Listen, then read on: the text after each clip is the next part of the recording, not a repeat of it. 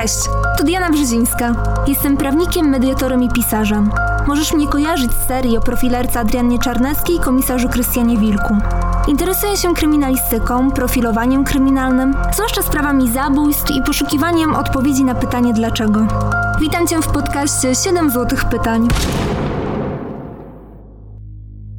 Kamionka to wieś położona w gminie Śliwice, w powiecie tucholskim, w województwie kujawsko-pomorskim. Powiat liczy mniej niż 50 tysięcy mieszkańców. Gmina trochę ponad 5 tysięcy. Kamionca jest zaś mniej niż 100 mieszkańców. Policjanci nie są tu przyzwyczajeni do odbierania telefonów o znalezionych zwłokach, w dodatku rozczłonkowanych. Pytanie pierwsze. Co?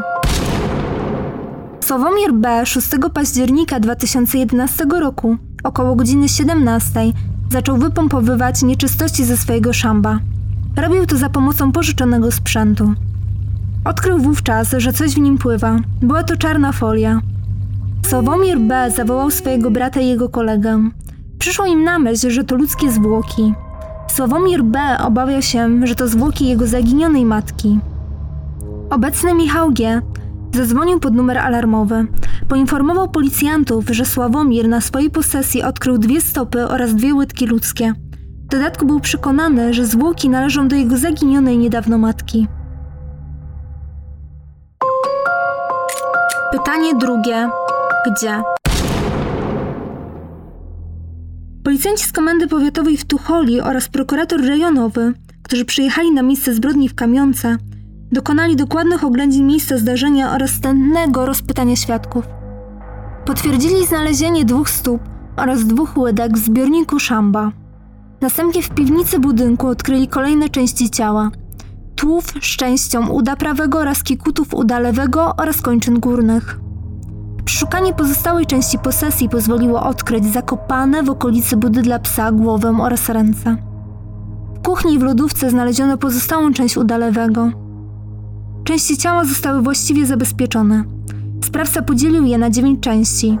Wstępnie ustalono, że należały one do jednej osoby kobiety. Pytanie trzecie. Kiedy? Ciało zostało znalezione 6 października 2011 roku. Po zidentyfikowaniu ofiary ustalono, że zaginęła 19 września 2011 roku. W czasie sekcji zwłok nigdy nie ustalono, kiedy faktycznie doszło do zabójstwa. Ostatecznie przyjęto więc, że ofiara zmarła pomiędzy 19 września a 5 października 2011 roku. Nie przyjęto wersji daty zgonu z wyjaśnień złożonych przez osobę podejrzaną. Z uwagi na długi proces ukrywania oraz rozczłonkowywania zwłok, który trwał co najmniej kilka dni, jedynie orientacyjnie udało się wskazać, w jakich dniach przebiegał. Pytanie czwarte. W jaki sposób? Sekcja zwłok wykazała, że prawdopodobną przyczyną zgonu był uraz głowy, który doprowadził do wieloodłamowego złamania kości, twarzy czaszki i podstawy czaszki po stronie prawej, z obecnością krwawienia nadtwardówkowego. Biegłym nie udało się ustalić, czy ofiara zmarła w ciągu kilku minut czy kilkunastu godzin po zadaniu obrażeń. Wiadomo, że na ciało oddziaływały płomienie. Podczas sekcji zwłok nie udało się jednak udowodnić, czy było to jeszcze za życia, czy już po śmierci ofiary. Według wyjaśnień sprawca dokonał tego dopiero po śmierci ofiary. Płomienie miały w jego zamyśle strawić ciało, ostatecznie jednak zrezygnował z tej metody. Do rozkawałkowania zwłok doszło już po śmierci ofiary. Ciało zostało podzielone na dziewięć części. Największy był tłów, razem z kikutami, kończyn i fragmentem podudzia. Pytanie piąte. Dlaczego? W tym przypadku motywem zabójstwa był konflikt rodzinny. Wynikły bez konkretnej przyczyny.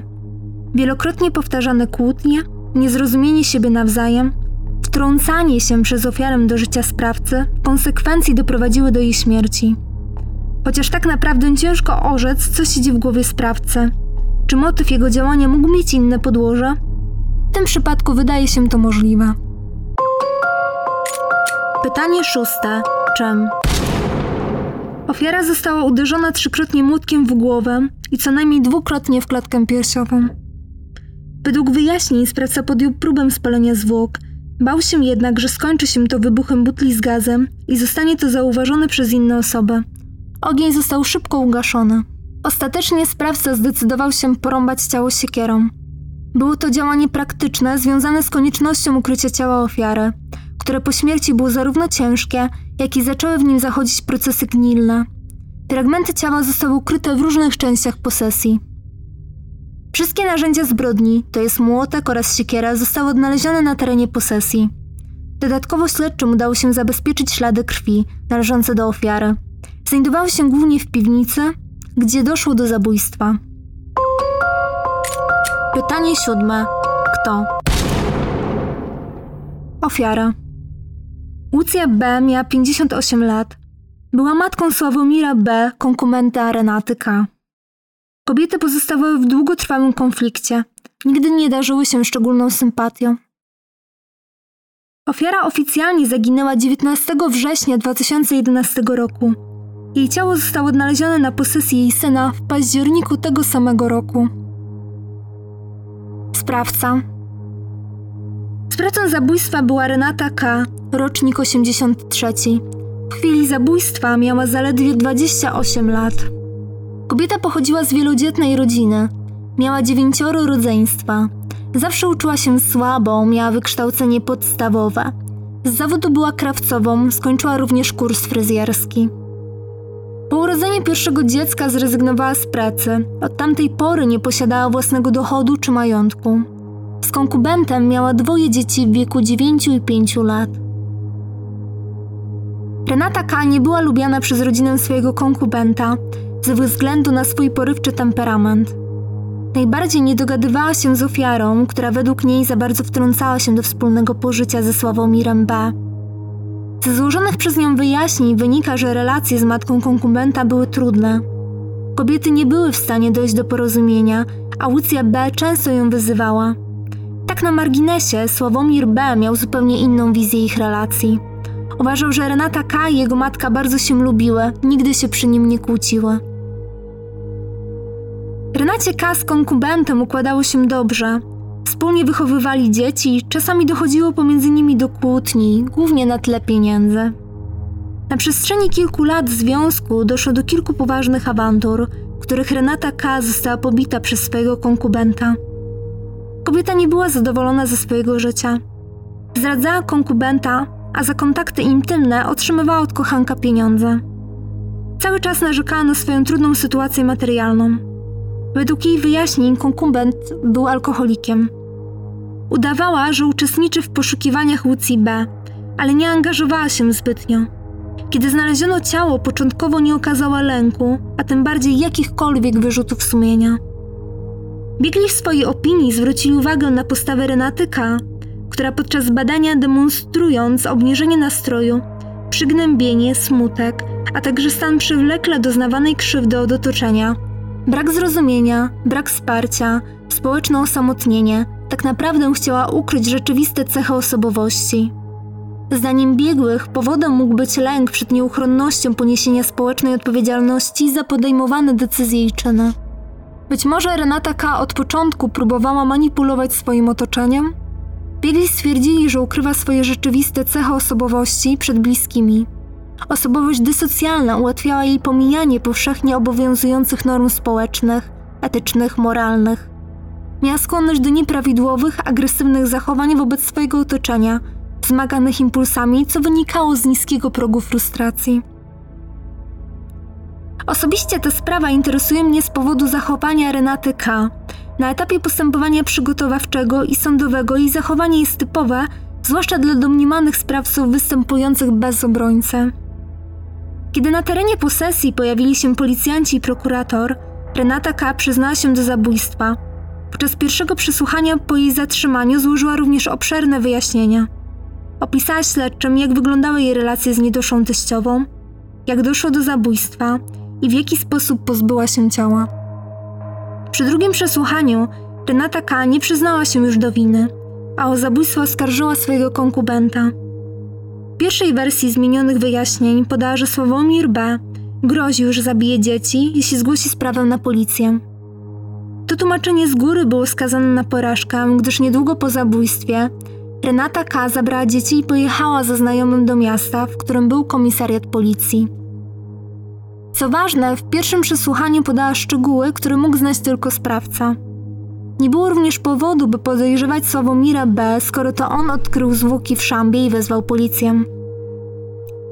Prześledźmy sobie teraz dwa fragmenty wyjaśnień Renaty K. i zobaczmy, jak się zmieniły. Pierwsze przesłuchanie. Z teściową w rodzinie dobrych relacji nie miałam. Teściowa mnie wyzywała, konkubent też. Przychodził pijany, awanturował się, bił mnie, wyrzucał z domu. Oni mnie psychicznie wykańczali. Nie wytrzymywałam, chciałam się zabić, chciałam odejść, ale mi groził, że dzieci mi nie da, teściowa to samo. Powiedziałam jej, że jest głupia. Tak mnie zdenerwowała, że wzięłam młotek i uderzyłam ją nim w głowę. Nie chciałam słuchać, wyszłam z pokoju. Dzieci słyszały, jak mi ubliża. Poszłam podłożyć do pieca. Chciałam sobie zagrzeć wodę na kąpiel. Ona poszła za mną do piwnicy. Wtedy wzięłam młotka i uderzyłam ją trzy razy w głowę. Teraz nie wiem, czy dwa, czy trzy razy w klatkę piersiową. Gdy wiedziałam, że już nie oddycha, zaciągnęłam ją zapłatem do piwnicy. Ona tak siadła, gdy ją uderzyłam i tak ją zaciągnęłam. Tam zostawiłam jej ciało. W poniedziałek włożyłam teściową zapłatę, we wtorek na drewka, a w środę już śmierdziała. Zaczęłam ją rąbać, bo nie miałam siły jej już przenieść. Drugie przesłuchanie. Gdy zeszłam do piwnicy, teściowa już leżała, ale Sławek ją podnosił i oparł o murek na siedzącą. Ten murek znajduje się jakby na korytarzu, którym przechodzi się do drugiego pomieszczenia piwnicy z piecem. Gdy Sławek posadził teściową, kazał mi pomóc przenieść zwłoki. Zaczęłam się na niego drzeć, zrobiło mi się słabo. Poszłam na górę, a on poszedł za mną. Chciałam dzwonić po karetkę. Zabrał mi telefon. Nie pomagało mu przyciągać zwłok, bo słabo mi się robiło. Prawda jest taka, że Sławek w ręku trzymał młotek, gdy zeszłam do piwnicy i tak pchnął nim nogą w moją stronę. Powiedział, że mam go wyczyścić. Wzięłam młotek, poszłam go umyć. Wyczyściłam go i Sławek zabrał go ze sobą do piwnicy. Ja wykonywałam wszystko, co kazał mi Sławek, bo się go bałam. W zasadzie przy każdym kolejnym przesłuchaniu Renata K. usilnie próbowała zrzucić winę na konkubenta, wymyślając to coraz bardziej irracjonalne, różne wersje tego samego zdarzenia. Zwłaszcza, że obarczając winą konkubenta i przyznając się do tego, że zmusił ją do pomocy przy ukryciu zwłok, lub w niektórych wersjach widziała sam akt zabijania, nie potrafiła podać, jakie dokładnie czynności wykonała na polecenie Sławomira B. Myliła również daty i godziny wcześniejszych i późniejszych zdarzeń, na których weryfikację pozwoliły zeznania innych świadków. Śledczy zastosowali konfrontację z konkubentem Sławomirem B. Podczas niej Renata K. wskazała, że kłamała podczas drugiego przesłuchania, gdyż nienawidzi swojego konkubenta. Twierdziła, że wszystko, co się stało, jest winą jej konkubenta oraz ofiary Łucji B., którzy doprowadzili ją do takiego stanu. Dodała wtedy, że chciała spalić ciało i w tym celu podpaliła drewka, ale przypomniała sobie o butli z gazem i dlatego zrezygnowała z tego pomysłu. Następnie oświadczyła, że to Sławomir B. zabił swoją matkę, bo jest szatanem w ludzkim ciele, a ona wzięła zabójstwo na siebie, bo bała się, że konkubent zabije ją i dzieci. W konsekwencji wobec sprawdzenia przez śledczych Sławomira B. sąd uznał wersję Renaty K. za niespójną, nielogiczną i całkowicie nieprawdopodobną. Takie działanie, choć niekoniecznie na taką skalę w trakcie procesu, jest często widoczne. Podejrzani pod wpływem chwili i stresu związanego z zatrzymaniem przyznają się w całości lub w części do winy. Składają wyjaśnienia, a później na etapie procesu starają się to odwołać, zazwyczaj z marnym skutkiem. W tej sprawie niebagatelną rolę odegrały również zeznania małoletniej córki Renaty K., która była obecna w domu w chwili zabójstwa swojej babci. Córka zeznała, że na polecenie matki poszła po babcię, a później kobiety we dwie zeszły do piwnicy. Ona miała zostać na górze. Słyszała jednak dźwięk tłuczonego kafelka i szuranie po podłodze. Nie widziała, aby babcia wyszła z piwnicy. Renata K. zagroziła córce, że zabije ją tak, jak babcie, jeśli komukolwiek o tym powie. Jak skończyła się ta sprawa? Renacie K. wymierzono karę 25 lat pozbawienia wolności.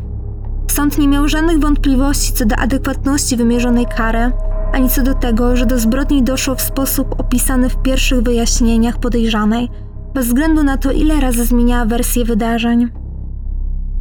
Sędzia Andrzej Bałk wskazał, że rzadko ma się do czynienia z tak drastycznymi czynami. Renata K. jest osobą, którą cechuje duże zdemoralizowanie. Zbrodnię zaplanowała, a plan pozbycia się zwłok konsekwentnie realizowała przez kilka dni.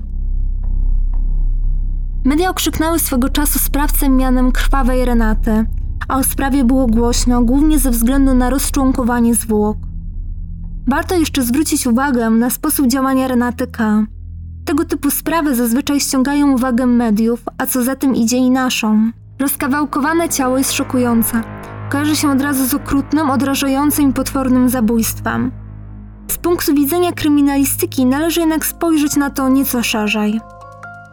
Rozkawałkowanie czy też rozczłonkowanie zwłok to trudna metoda pozbycia się ich. Zajmuje dużo czasu i wymaga narzędzi. Nie jest często spotykana.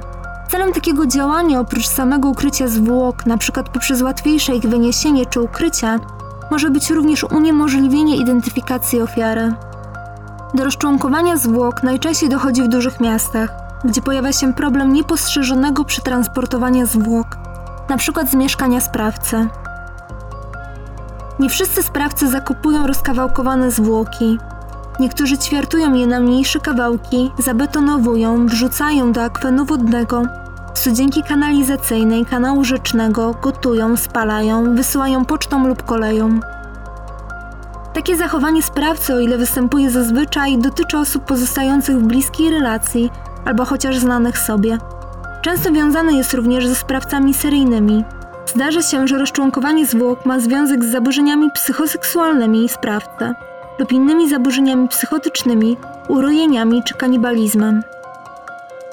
W tej sprawie należy zauważyć, że Renata K. była niewysoką kobietą o wadze około 50 kg. Nie miała fizycznych możliwości do przeniesienia ciała ofiary ani do ukrycia go, zwłaszcza działając samodzielnie i w sposób, który nikt nie zauważyłby jej poczynań. Renata K. podjęła się próby spalenia zwłok, ale abstrahując już od możliwości wysadzenia butli gazowej, nie dałoby się tego nie zauważyć. Jeden ze świadków widział dym, który został szybko ugaszony, a przecież Renata K. bardzo szybko zrezygnowała ze swojego pomysłu. Przy spalaniu zwłok dochodzi jeszcze kwestia zapachu palonego ciała, który utrzymywałby się długi czas i temperatury niezbędnej do tego czynu.